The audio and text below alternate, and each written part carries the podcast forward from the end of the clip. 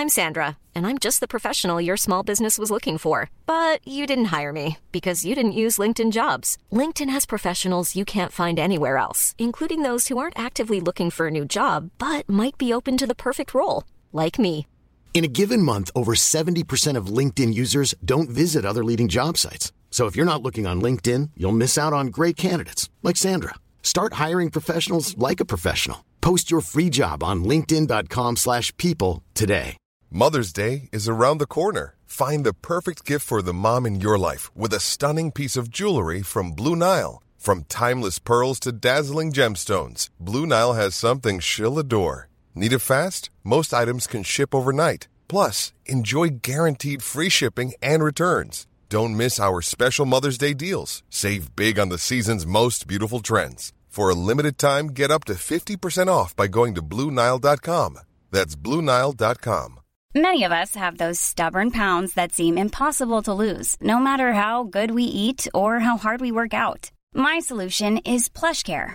PlushCare is a leading telehealth provider with doctors who are there for you day and night to partner with you in your weight loss journey. They can prescribe FDA-approved weight loss medications like Wagovi and Zepbound for those who qualify. Plus, they accept most insurance plans. To get started, visit plushcare.com slash weight loss. That's plushcare.com slash weight loss.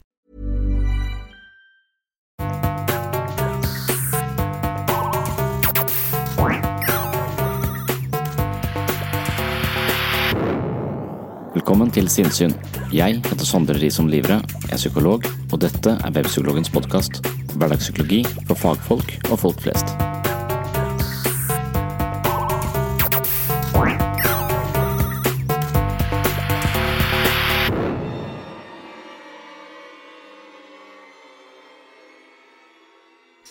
Finnes det spøkelser? Mange tror det. Selv tror jeg at spøkelser finnes på en måte, men ikke på en annen måte. Hva jeg mener med det, vil bli klarere mot slutten av dagens episode. I dag skal jeg tilbake til en tematikk jeg har snakka om før, men også en tematikk som interesserer meg dypt og inderlig. Det skal handle om psykomytologi. I våre store fortellinger finner vi beskrivelser av både spøkelser, monstre, drager og annet skrømt.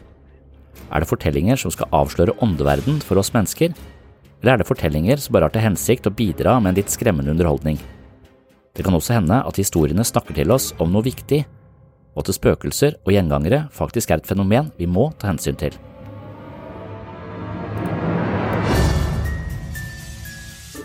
Ordet spøkelser kommer fra middelaldertysk spøknisse, eller spøken, som refererer til å gå igjen eller utføre trolldom.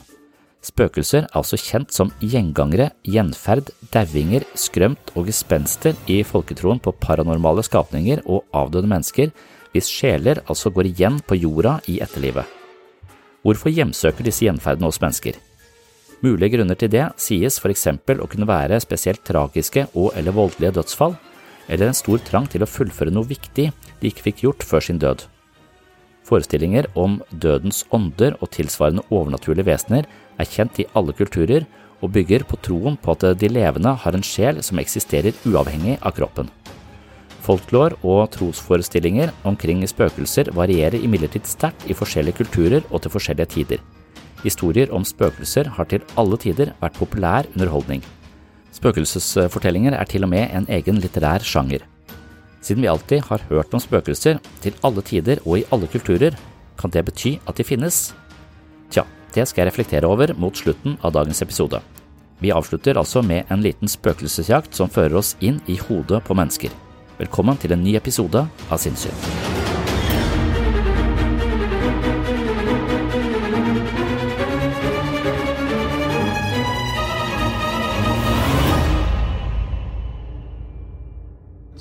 Torjussen og jeg reiser rundt og gjør masse standup-jobber nå. Og forrige jobben vi gjorde, var i Tønsberg, i en gammel villa som var bygd i forrige århundre. Og så sa de 'Det spøker her'! Og jeg bare 'Spøker det? Hva slags spøkelse? Er det poltergeist, eller hva er det slags spøkelse?' Så sier de 'Nei, det høres ut som det er noen som har nachspiel'. Oh, for et skummelt spøkelse, da, gitt. Jeg så liksom for meg at jeg var ferdig med showet og legger meg i senga, og så tenker jeg 'Faen, det er spøker her! Det er spøkelse her! Helvete!' Så hører jeg sånn tunge skritt opp trappa, sånn Og så, og så like etterpå så hører jeg at det banker på døra. Sånn. Beklager, jeg har bare én lydeffekt. Og så går døra opp med sånn kjempeknirk. Sånn knirk du har hørt på grøsser Og Så er det en gammel dame som stikker hodet inn og sier 'Er du på en whisky?' Det er ikke veldig farlig. Jeg, jeg hadde sikkert sagt ja vet hvis jeg hadde vært litt sånn i farta. Jeg, jeg skal sette deg ned. Ditt gamle spøkelse. Og jeg hadde jo, hvis jeg hadde vært full, så hadde jeg begynt å kline med det. vet du. I verste fall hadde jeg sex med spøkelset. Våkna dagen etterpå ved siden av spøkelset. Det har skjedd før. altså.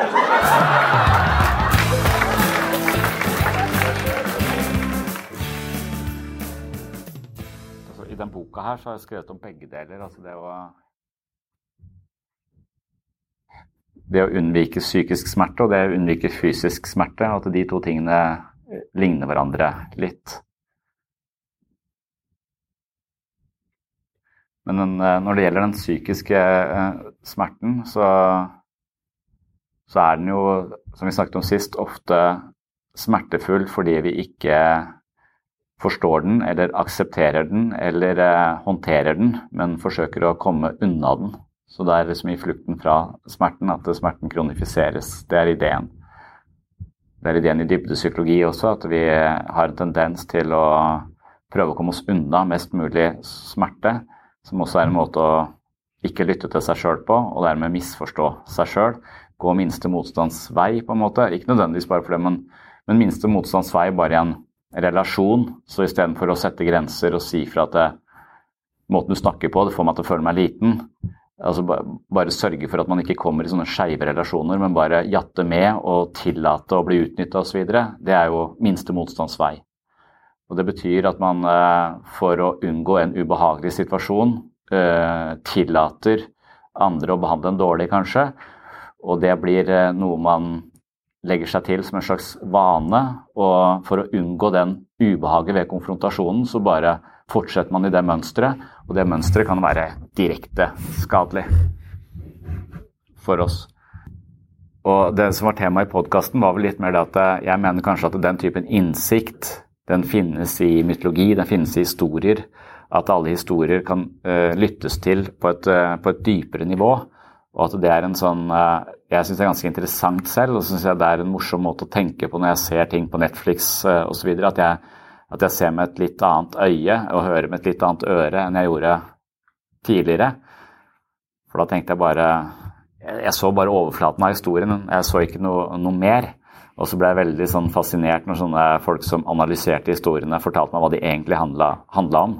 Det mener jeg kanskje er en måte å tenke på som, eh, som, er viktig og kan lære oss ganske mye. Og den måten å tenke på kan skaffe oss litt mer sånn psykisk fleksibilitet, som gjør at vi også kan kanskje bruke historiene på en litt annen måte og lære oss å tenke litt dypere, og dermed også kanskje ha noen verktøy i møte med eget, våre egne utfordringer.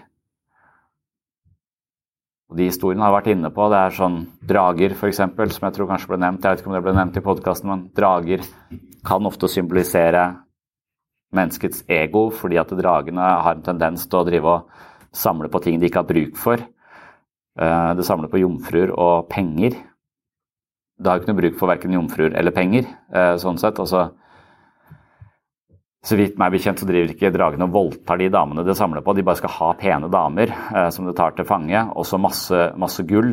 Men de er jo aldri på Sørlandssenteret, liksom. Så de får ikke brukt det, det, gullet. Så de får masse drit, eller masse gull, som de ikke har noe eh, behov for.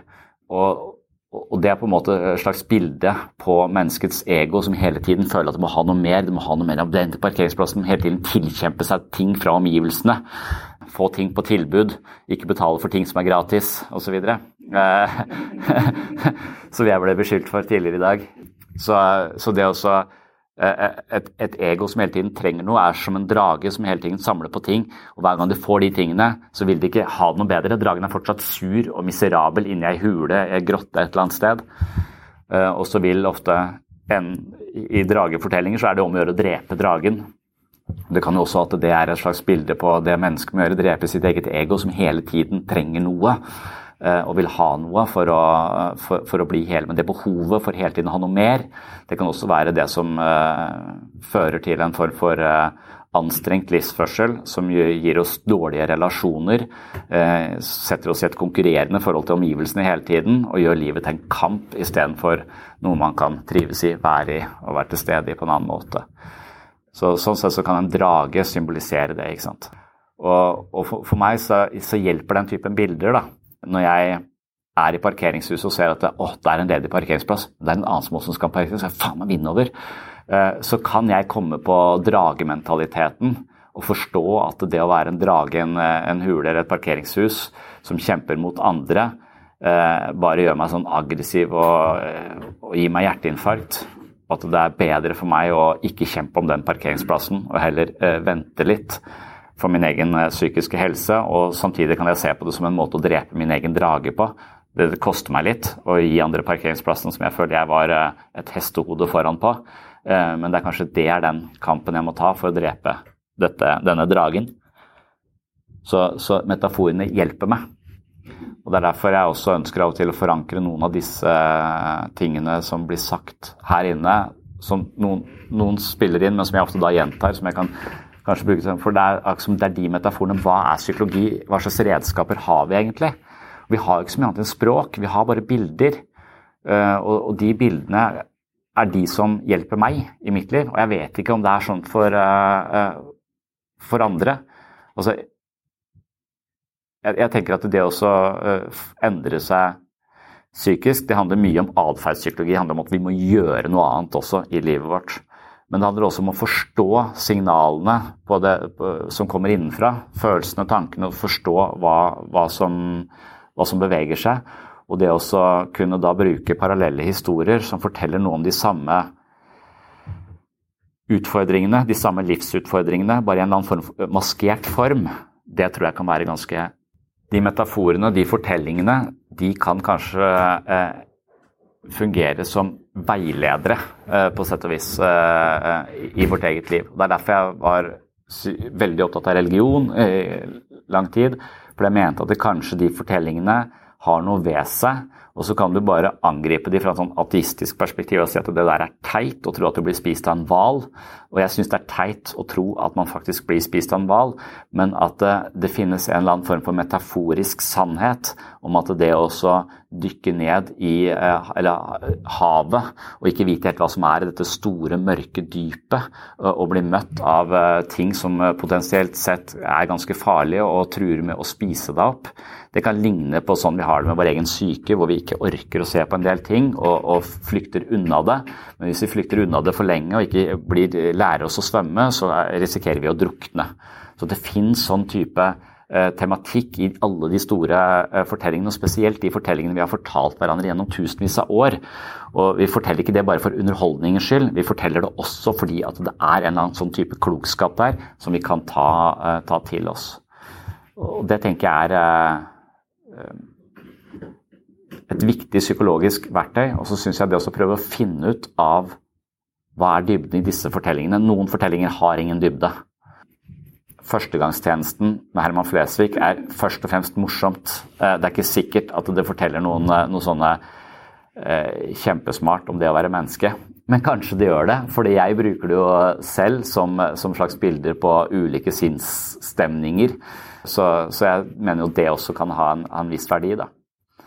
Så, så, jeg vet ikke om jeg, Når jeg skrev den der Psykologens journal, sånn, så har jeg av og til sagt at jeg samler på ideer. Uh, og det, jeg synes det er en fin måte å tenke på at jeg samler på ideer som på en eller annen måte har hjulpet meg. Så jeg samler på metaforer uh, som, kan, uh, som, som, jeg, som, dukker opp i de situasjonene hvor jeg er nødt til å tenke annerledes, for jeg ikke kan gå på autopilot.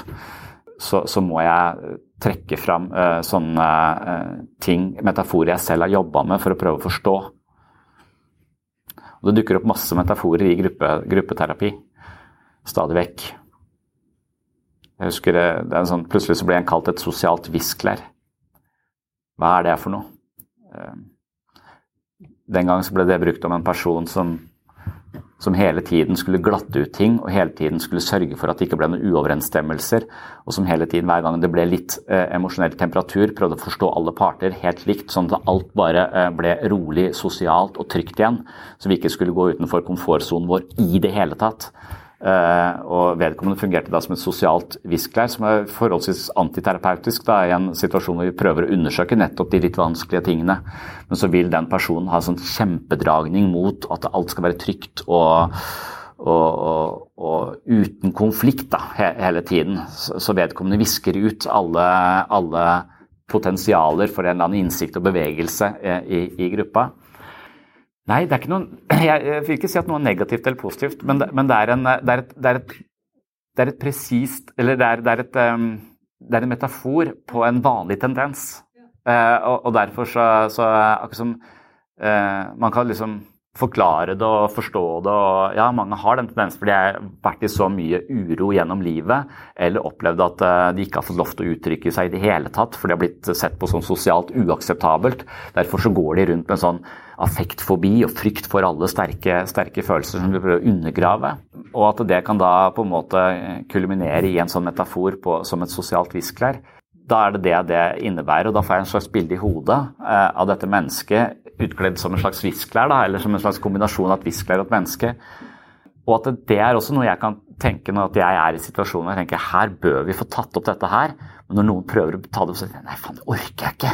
Eh, la oss bare glatte over. Og så Da ser jeg av og til det sosiale visklæret. Noen kan gå rundt med en stein i lomma. Eh, det holdt jeg på med når jeg skulle prøve å lære meg å drømme bevisst. At man gikk rundt og holdt en stein i lomma. For da tok jeg meg hele tiden i lomma, og så skulle jeg ta meg i lomma når jeg drømte. Og så skulle jeg jeg vet ikke, jeg husker ikke teorien, men det var en eller annen måte at jeg skulle forstå at jeg drømte når jeg drømte. Mens, og noen går rundt med huskelapper. Liksom, de teoriene rundt den negative grunnleggende levereglene mener at vi skal gå rundt med huskelapper i lomma eh, som vi skal lese hele tiden, eller ha de på kjøleskapsdøra osv., som skal minne oss på våre egne mønstre som hele tiden går i, sånn at vi blir mer bevisste i og dermed kan uh, gjøre forsøk på å endre de. Men jeg driver ikke og skriver ned så masse sånne Post-It-lapper rundt forbi, men jeg opererer kanskje mer i metaforer. Og jeg tror kulturen også opererer i metaforer. Og jeg tror det er sånn vi har forstått hva som er det viktigste med det å leve som mennesker. Det tror jeg vi baker inn i fortellinger, for fortellinger er lettere å huske enn gode råd. Drikk tran. Ja, alle sier det, ingen gjør det. Men en fortelling om en eller annen fyr som får struma og blir kvelt, som jeg fikk høre når jeg vokste opp Den fortellingen om den der struma, at halsen din bare vokser og kommer en svær kul ut som bare så, så sørger for at du ikke får puste, og så blir du helt blå i trynet og dauer hvis ikke du spiser fisk. Det er uh, lettere for meg å huske enn en eller annen uh, forklaring på uh, fettsyrer og omega-3. For det er kjedelig. Ja, en ting er det at vi unngår farer eh, ved å fortelle barn sånne ting. Det er jo en viktig, viktig del av det. Men så tror jeg øh, videre at det kan ha mer sånne Noen har sånne helt konkrete ting. Ikke gå for nærme vannet, for da kan du falle uti. Uh, og andre ting er mer sånn ja, at det finnes historier for alle aldre. At det kommer historier også som hører til uh, for uh, for, for, voksne også, som forteller mer sånn moralske føringer. Hva, det å ofre egne behov for å nå et langsiktig mål kan være ganske, ganske lurt. Og at uh, det er det som er hovedideen i religion, egentlig. At uh, måten du lever på i dag, får konsekvenser for morgendagen på en eller annen måte. Og det å ikke spise opp alt i dag, eller spare litt, eller gjøre litt ekstra i dag, det vil gjøre situasjonen her framme mye bedre. Så det er det du gjør i dag som på en måte bestemmer om du havner i helvete eller i himmelen. Og helvete og himmelen er egentlig bare da metaforer på konsekvensene av det du gjør i dag. Og Gud er en slags inkarnasjon av den si, ideen mennesket fikk, eller den erkjennelsen mennesket fikk om at vi er nødt til å gjøre masse eh, vanskelige ting i dag. Vi er nødt til å bygge eh, mer solide hus, eh, for det her er en tendens som kommer jord, liksom, Vi er nødt til å leve, vi er nødt til å ta vare på hverandre. Masse sånne, sånne ting som er i disse bibelske fortellingene.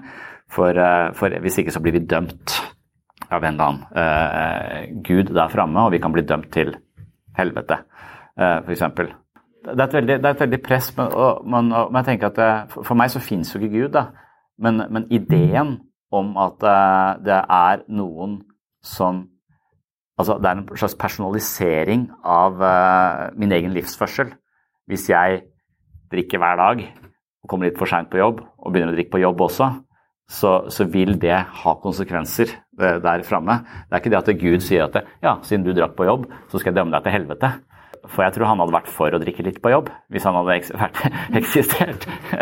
Eh, men det er liksom bare et slags bilde på personifisering av konsekvensene. Så igjen bare et bilde som kan brukes. Så Noen ganger så tenker jeg at det, ja, det er mulig Jeg tror ikke jeg er noe religiøs, men det, det er mulig at jeg av og til tenker at jeg kan leve som om jeg er religiøs. Eller jeg kan leve som om Gud eksisterer.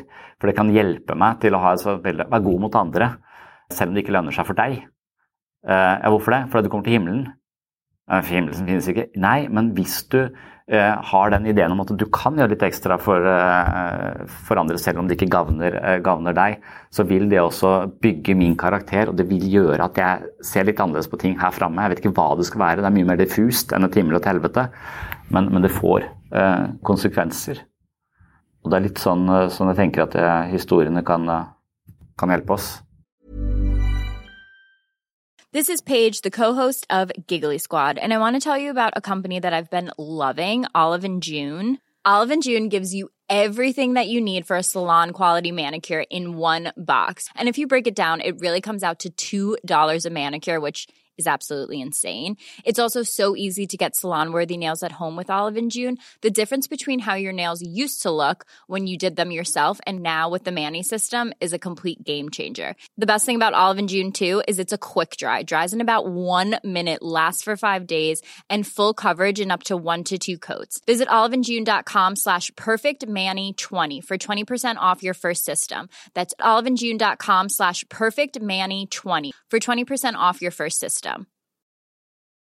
I'm Sandra, and I'm just the professional your small business was looking for. But you didn't hire me because you didn't use LinkedIn jobs. LinkedIn has professionals you can't find anywhere else, including those who aren't actively looking for a new job but might be open to the perfect role, like me.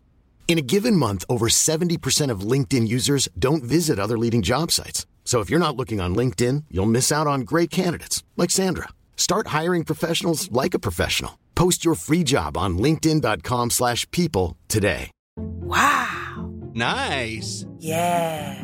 What you're hearing are the sounds of people everywhere putting on Bombas socks, underwear, and t-shirts made from absurdly soft materials that feel like plush clouds. Yeah, that plush. And the best part? For every item you purchase, Bombas donates another to someone facing homelessness. Bombas. Big comfort for everyone. Go to bombas.com slash ACAST and use code ACAST for 20% off your first purchase. That's bombas.com slash ACAST. Code ACAST. Det ble snakk om at det er litt sånn, I podkasten ble det snakk om at det er som At Joseph Campbell kaller det for uh, universets sanger, sunget av tusenvis av mennesker.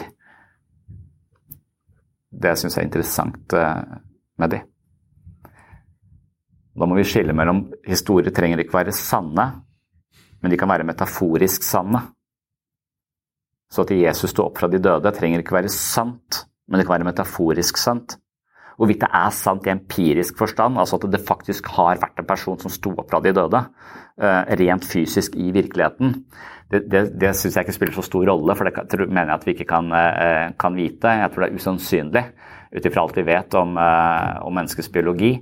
Men, men, og det å hevde at det er fysisk sant, det, det syns jeg blir, blir, litt vanskelig. Men det å tenke at det, men selve ideen om at man kan dø for så å gjenoppstå, den ligner psykoterapi.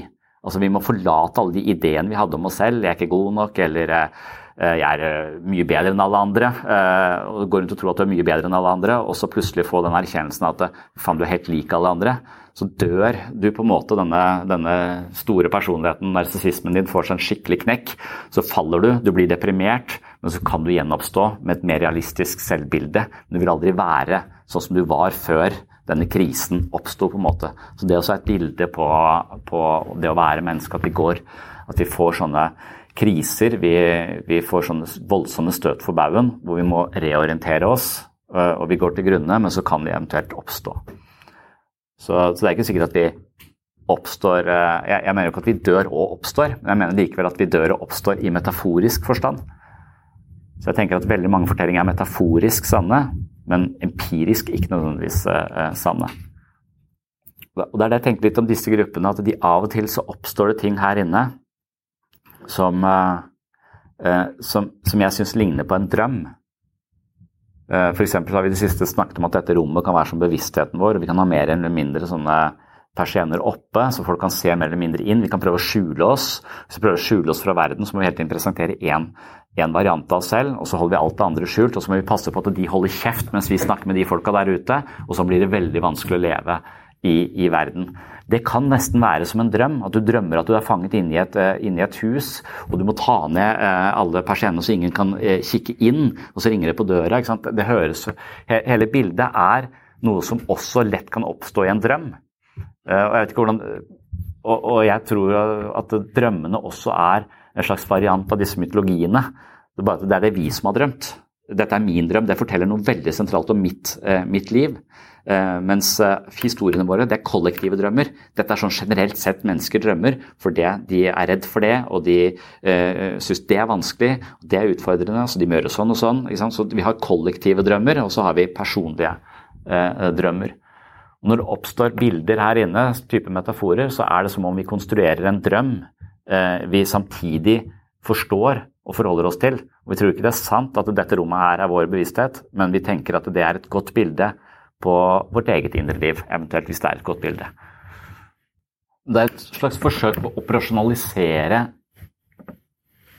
en del av psykologien, og spesielt den mer sånn dynamiske eller psykoanalytiske delen som handler om at vi har ubevisste krefter som snakker til oss på en eller annen måte, eller som siver ut, som vi ikke er klar over. Og for å komme til det ubevisste, så mente Freud at drømmene var kongeveien til det ubevisste. Vi måtte forstå drømmene våre for å forstå dybden i oss selv. Eh, hvis du ikke drømmer, eh, så, eller alle drømmer, da, men da husker du ikke drømmene dine, så er det kanskje metoder du kan lære deg for å huske eh, drømmene dine. Eller så kan du gå via mytologien, som er de kollektive drømmene. Så, sånn sett så, så, er det drømmer tilgjengelig for alle. Men det handler om å, å se på de med et sånn nysgjerrig blikk, da, istedenfor å si at jeg drømte det var helt teit, helt fjernt. Drømmer er helt uh, syke, betyr ingenting. Det, det, kan man hevde, at drømmer er bare en sånn feilkoblinger som hjernen gjør rett før den faller ned i dyp, drømmeløs uh, søvn. Og så er det noen som mener at vi drømmer av en Det er en grunn til at vi drømmer. Drømmer er en måte å bearbeide ting på det er også et sted hvor eh, alle disse blokkeringene våre eh, hviler litt, sånn at vi får et, kanskje et klarere bilde. Men, men, men, drømmene kommuniserer via metaforer. De kommuniserer ikke med gode råd. Du mangler D-vitamin. Eh, sånn, det sier ikke drømmen til deg. Men, men, drømmen forteller deg et eller annet eh, om som du likevel kan kanskje på en eller annen måte utlede at du mangler D-vitamin, hva vet jeg. Eh, men eh, at det handler om å, operasjonalisere det, den delen av psykologien. Via, at vi er, kulturen vår er full av historier og narrativer og, og Netflix-serier som, som, som, kanskje på overflaten bare er en sånn ren spenningsserie eller en actionserie, men kanskje på et, eller annet, hvis vi klarer å uh, lytter på et litt annet nivå, så klarer vi også å forstå en, en dypere mening der. Og hvis vi klarer å lytte til oss sjøl på et litt dypere nivå, så kanskje vi istedenfor å flytte fra ubehaget, klarer å forstå det og håndtere det.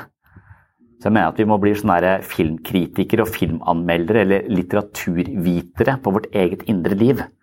Altså At jorda går under, det handler jo om at vi nettopp ikke ser konsekvensen av hva vi gjør nå. Så, så det er et sånn globalt bilde på at vi ja, ja, sluntre litt unna med kildesorteringa i dag, eller jeg var opptatt av, for et halvt år siden var jeg veldig opptatt av miljøvern, jeg har glemt det litt, liksom. Eh, så, eh, så det går sikkert greit, det har ikke skjedd noe enda.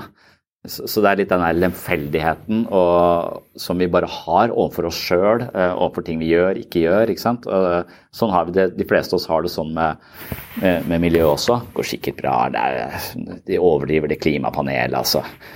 Nei, 98% sier det, men det er 2% som mener noe annet, så kanskje de har rett. Det finnes jo politiske partier man kan stemme på hvis ikke man tror på eh, global eh, oppvarming. Så har man liksom en slags eh, buffer mot den erkjennelsen av at ja, jorda er kanskje litt i faresonen. Og, den ideen er jo da metaforisk sann, kanskje, men også kanskje noe etter hvert fysisk. Så metaforen og virkeligheten henger sammen på en eller annen, på en eller annen måte.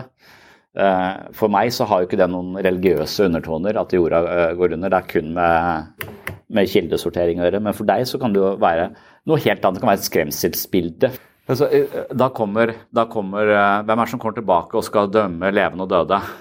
Gud kommer. Ja. Jeg tror ikke at det er Gud som kommer, jeg tror det er FNs klimapanel som kommer. så, så det, har, har, de kommet? Ja, nå har de kommet. Nå kommer FNs klimapanel til en konferanse i Oslo, eh, og de skal dømme levende og døde. og det, ja. Men jeg syns ikke det er så vanskelig å liksom få noe ut av den typen drømmer, at det kan på en måte veilede måten du lever på, hvis du, hvis du liksom tar konsekvensen av det? Nei, ja, men hvis du behandler deg sjøl litt uten respekt, f.eks., eller behandler deg sjøl litt dårlig, så, så, så, kan det få noen konsekvenser du ikke Men også, så er det viktig å tenke at en drøm du kan ikke si den betyr det. For da behandler du den som, som en den, Da er den ikke lenger Da er den sann. Eh, den forteller noe sant om virkeligheten. Hvis den er metaforisk sann, så, så, tror jeg bare du kan lage deg masse hypoteser om hva dette kan være. Det er et sted å begynne å leite. Det er, det er, et, eh, det er ikke et sted som sier 'sånn er det', det peker deg i den retningen eller den retningen, hvor du finner nye spørsmål. Egentlig ikke så mange, så, så mange svar. Og så er det kanskje det som de sier at mennesket er dømt til å skape mening i eget liv. Så de menneskene som klarer å finne en form for mening i det som virker eh, I drømmer som virker totalt meningsløse, f.eks., eh, så, så kan det være at den prosessen hvor du konstruerer mening i noe, også er veldig sånn sunn og, og, og kanskje kan hjelpe deg videre. Så, så, selv om det egentlig ikke var noe der, så lagde du noe uh, ut ifra at du, du, evnet å bruke situasjonen eller drømmen på en måte som, som var bra for deg.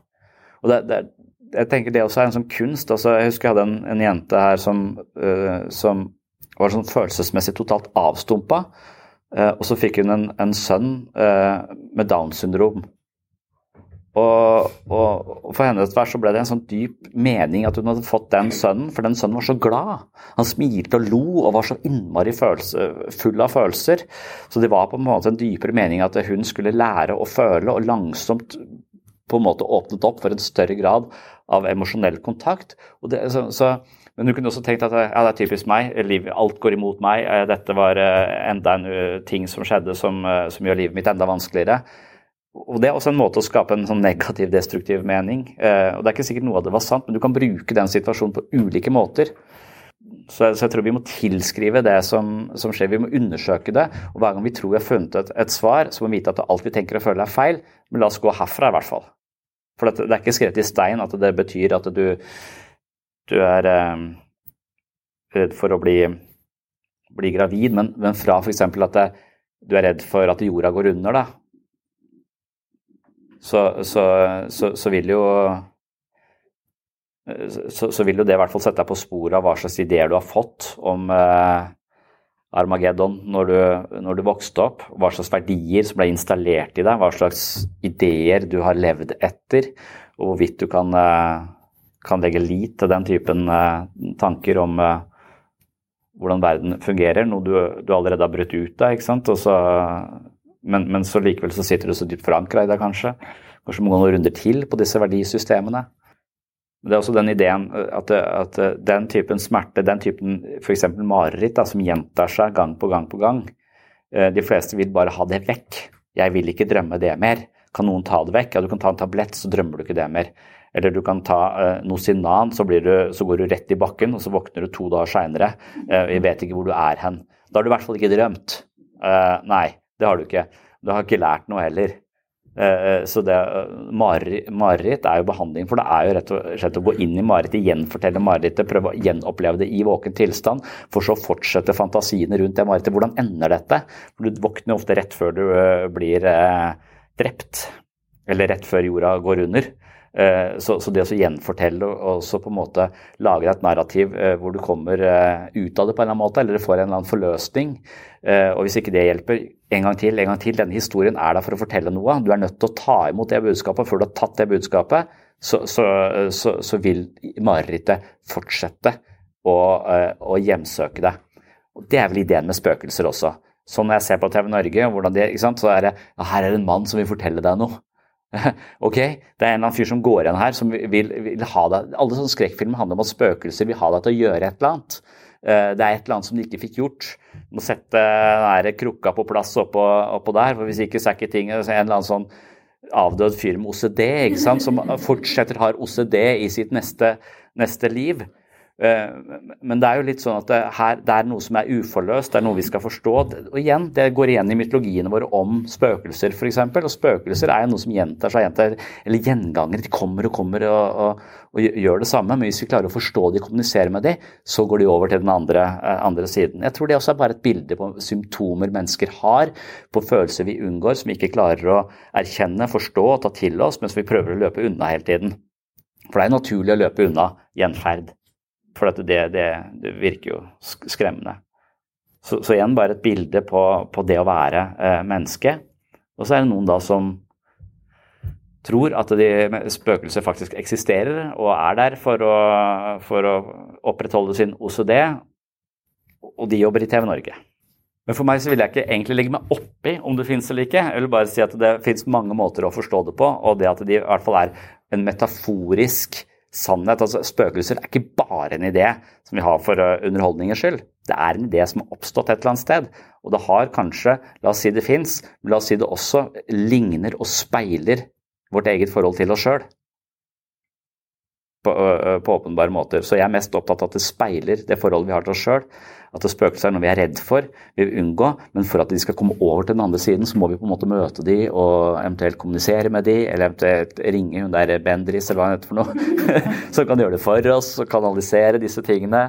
Og så kanskje hun er da rett og slett den personen som skaper mening for oss. Hun er en slags meningsskapende konsulent som sier mye svada som vi på en eller annen måte kan tilskrive en eller annen form for betydning, og så faller et eller annet på plass, og så har det fått en slags uh, forløsning. Det er ikke dermed sagt at det hun sier, Jeg tror ikke det hun sier er sant empirisk sett, men jeg tror kanskje hun kan lage metaforiske sannheter som kan hjelpe folk. Og, og da da er jeg litt pragmatisk anlagt. tenkte jeg ja, ok, hvis det hjalp deg, du spøkelset, bankånden er borte, eh, du er rolig, eh, familien er mer harmonisk, eh, og vi har, spøkelset er, er forsvunnet. Da, da, er det gjort en jobb her som har hatt en eller annen god Det har hatt et, et, et godt utfall. Med mindre du bare har på en måte kanalisert et større problem i familien inn i en bankånd. Og egentlig så er den strukturelle problematikken all, fortsatt i familien, hvor eh, noen skylder på den ene, eller det er et eller annet som de ikke har tatt tak i selve problemet, men rett og slett bare outsourca det til et eller annet sånn spøkelsesfortelling isteden. Men da kommer det et nytt spøkelse på et eller annet tidspunkt inn i den familien. Så hvorvidt du har drept dragen eller uh, fått spøkelset ut, det må tiden ofte vise. Men noen ganger så tror jeg kanskje at det kan ha en eh, Kanskje det er en sorgprosess der. Dette er et eh, person vi har mista, vi har ikke klart å bearbeide den sorgen. Så kommer hun der Hva heter hun? Lill Bendris? Nei, hva heter hun?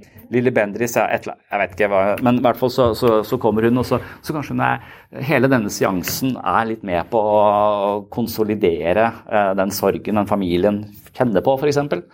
Så har det en annen, en annen effekt. Og Da kommer selvfølgelig spørsmålet tror du ikke på spøkelser i det hele tatt? Hva hvis du ser et spøkelse, eller hvis du ser noe som flyr gjennom rommet, hva da? Nei, da hadde jeg tenkt at jeg var psykotisk. Ja, Hvis jeg hadde sett et spøkelse.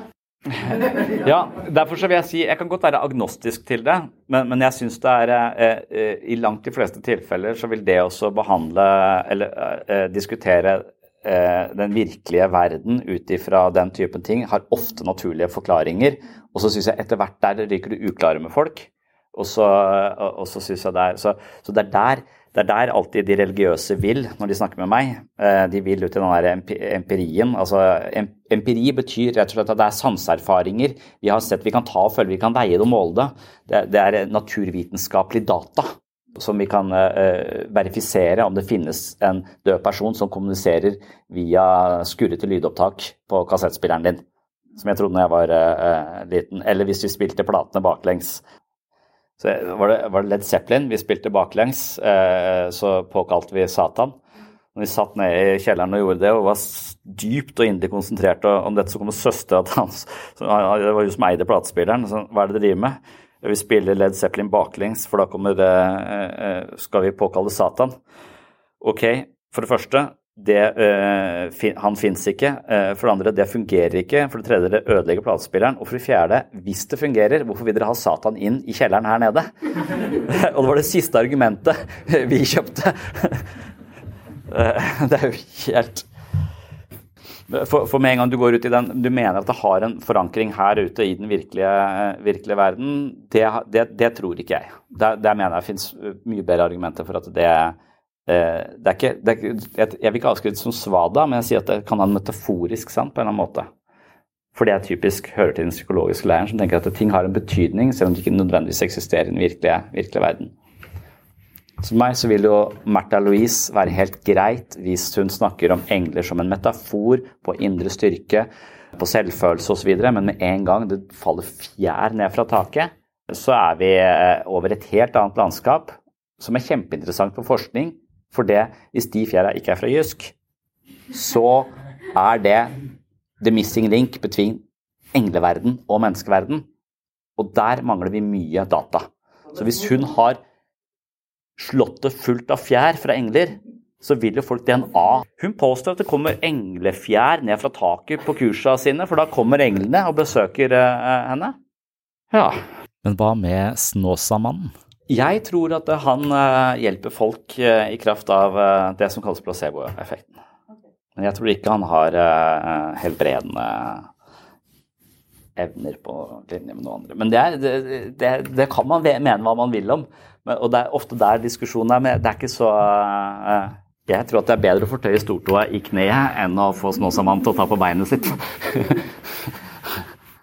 men jeg, jeg tror f.eks. at ganning, da ja, Er ikke det å kaste en forbannelse over noen? Men jeg mener at det, det vil også jeg, jeg mener at det eh, på, på, en eller annen måte så strekker metaforene inn i virkeligheten på, på sett og vis. For, for det vi er konseptuelle vesener. Så idet du kjøper et narrativ hvor en heks har, eh, har eh, kasta en eller annen trolldom over deg, så går du rundt og tenker 'oi, helsike, nå er jeg fucked'. Og når du går rundt og tenker 'helsike, jeg er fucked', så tror jeg kanskje det også kommer til å påvirke livsstilen din, måten du oppfører deg på, engstelsesnivået ditt, adrenalinpumpa di, alt det her. Det kommer til måten, du, hvordan du tilskriver denne Ganning-historien en eller annen form for øh, kvalitet eller plausibilitet, sånn at du tror på det, så tror jeg også det vil på en eller annen måte påvirke deg i, i, i livet ditt. Så det narrativet vi lever etter, det vil jo også til en viss grad uh, materialisere seg i virkeligheten. Men, men i, i, den forstand så vil jo også det å Vodo, f.eks., det vil jo fungere jeg, men det, vil ikke nødvendigvis fungere i den forstand at du bare har en dokke som du driver også, men, men, din holdning til et annet menneske som du har lyst til å stikke med nåler, det vil også utspille seg mellom deg og det mennesket. Og hvis det mennesket i tillegg får, eh, får, en idé om at du er en sånn hekseaktig eh, person som driver og stikker nåler i vedkommende, så kan du føle litt sånn stikk inni seg og kjenne at det, at det så, så, jeg tror nok dette her kan bli delvis virkelig i det vi tror på det. Fordi vi skaper litt den virkeligheten i de narrativene vi har. Nei, nei, nei, Snåsamannen Ja, don't get me started, altså. Så én ting er å si dette gjør jeg helt gratis, og her står det en skål som du kan legge noe i hvis du har lyst til å, å, å takke for hjelpen. Og så, Om det er noen sammenheng eller hvor takknemlig du er, og hvor mye det hjelper, det kan hende. Så, så, så det er ikke 100% gratis. Altså, han har finansiert dette Tilsynelatende, han ber ikke om noe, men han har også, du har muligheten til å vippse han. om han hadde vips, da. så, så falsk gammel skrok. Nei, men, men så, så, det være gode krefter eh, i et samfunn som, eh, som på, mener å ha eh, overnaturlige evner, og at det, det, uttrykket det får, også har ganske positive konsekvenser for noen.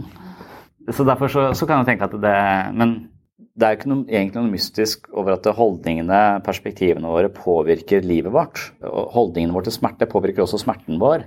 Bare sånn med, med, morfin, du må ha dobbelt så mye hvis ikke du vet at det er morfin.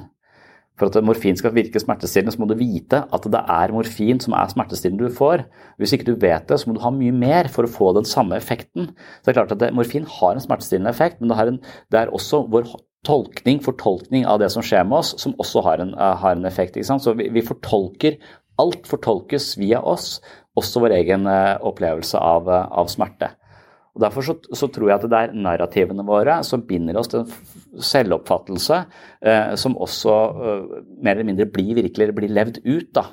Uh, og mitt håp i forhold til dette med, som er tema for i dag, disse metaforene og sånn, eller metaforer og historier, at de kan anspore oss til å finne nye eh, selvfortellinger, eller nye fortellinger om oss selv, nye perspektiver.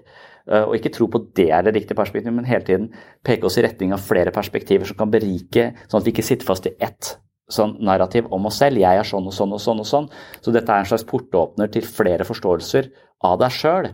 Og så finnes det også portåpnere til forståelser av deg sjøl som kommer utenfra. Og Det kan være sånn type heksedoktorer av, av noe slag, men det kan også være Darren Brown. Uh, som, som, sier at uh, jeg er en magiker, jeg er en illusjonist, uh, jeg kan trykke på menneskets knapper og få dem til å gjøre hva som helst.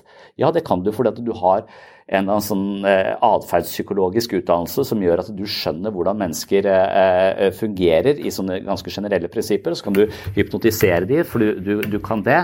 Og så hadde han også dette showet som vi har snakket om uh, tidligere, hvor han, hvor han, sier at det, Og så skjønner jeg også hva disse uh, helbrederpredikantene driver med.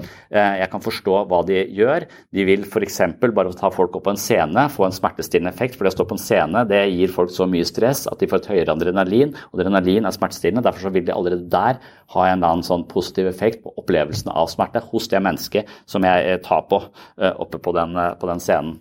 Så da har du det, det aspektet. Men så, så, prøvde han dette på et av showene sine å være sånn uh, healer, vel vitende om at jeg er en skeptiker, jeg tror ikke på healing, men jeg er en healer, kom opp, skal jeg heale deg. Og så får han masse mail etter han sier jeg, fuck you, du, tro, du trodde du bare lurte meg, jeg er fortsatt frisk, jeg. Og da blir han også spurt om hvordan skal du gjøre regnskap for dette, hvordan skal du tolke det at folk, Du får så masse mail om at du trodde du bare lurte meg frisk, men jeg er frisk. Så, så, så mener jo han at det, en så dramatisk setting som han skaper, som en illusjonist med, med, de største sceneshowa eh, i, i, verden, eh, det har en så dramatisk effekt på menneskers sykdomsnarrativ at han bare sparker de ut av den forståelsen de har hatt om sin egen lidelse, det mønsteret de har gått i. Altså den ryggeskolen, ikke sant? Istedenfor bare oppføre deg som du har vondt i ryggen, så skal du egentlig bare oppføre deg som vanlig, og så bare hver gang du får litt vondt, bare vri deg litt unna. Bare, bare fortsette å leve. Så han klarer liksom å sparke folk ut av et mønster. Det er sånn han selv forklarer hvorfor folk blir friske av hans uh, healing. Det tror jeg uh, er ganske potent. Uh, og så tror jeg at vi kan bli lurt litt av Darren Brown eller Snåsamannen. Men jeg tror også at vi kan hjelpe oss selv til å ikke sitte fast i disse sporene. Da tror jeg vi eier denne intervensjonen på en mye bedre måte enn, enn hvis vi er nødt til å gå til, på showet til Darren Brown. Så så jeg tror at vi, vi ved hjelp av å på en måte undersøke stadig flere perspektiver og alltid tenke at det vi tenker og føler er feil, sånn at vi kan gå litt videre til å forstå på litt nye måter, det er ekstremt psykisk sunt. At det skaper psykisk fleksibilitet, som er en sånn avgjørende faktor for å få det bedre med, med seg sjøl. Og forstå at den der selvfølelsen, selvtilliten, som hele tiden, den kritiske stemmen som hele tiden eh, rammer deg, ofte bare er et ekko av ting folk har fortalt deg, og som i hvert fall ikke er skrevet i stein. Så det å ha den psykiske fleksibiliteten det tror jeg må til for å begynne å tenke annerledes om seg sjøl. Og, og, så tror jeg at det er eh, bedre å gjøre dette her på egen hånd enn å, enn å gå til eh, en magiker. Selv om jeg tror magikeren funker litt. men på en annen måte enn de som tror at det funker empirisk. Men det funker empirisk for det, det funker i virkeligheten. Men av andre årsaker enn det man kanskje skulle tro.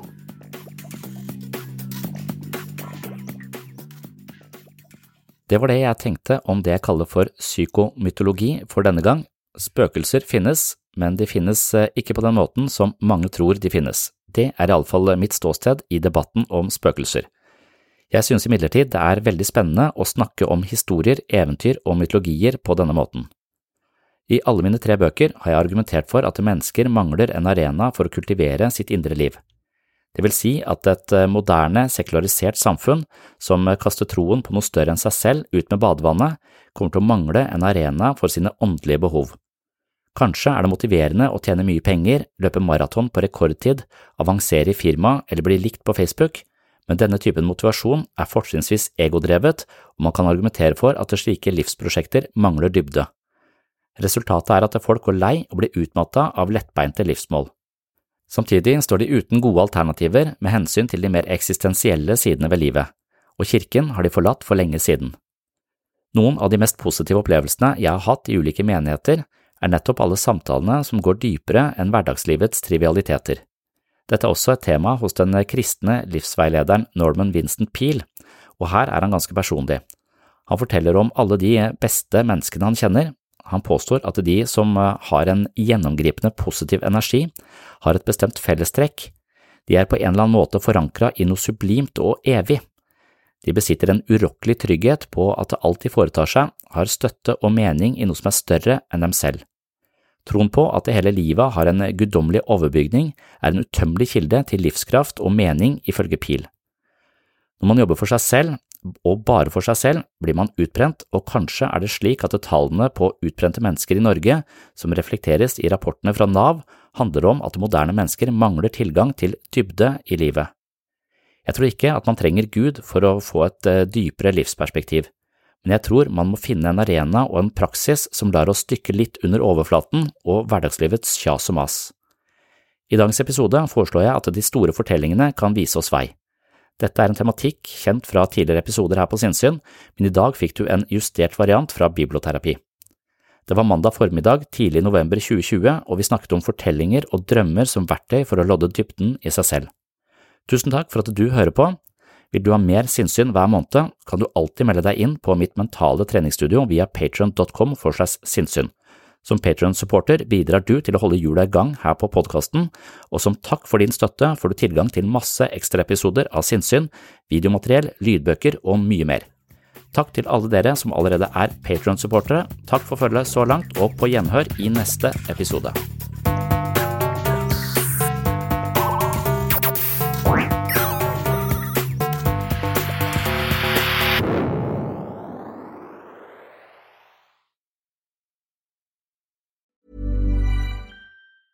Mom deserves the best, and there's no better place to shop for Mother's Day than Whole Foods Market. They're your destination for unbeatable savings, from premium gifts to show-stopping flowers and irresistible desserts. Start by saving 33% with Prime on all body care and candles. Then get a 15-stem bunch of tulips for just $9.99 each with Prime. Round out Mom's menu with festive rosé, irresistible berry chantilly cake, and more special treats. Come celebrate Mother's Day at Whole Foods Market.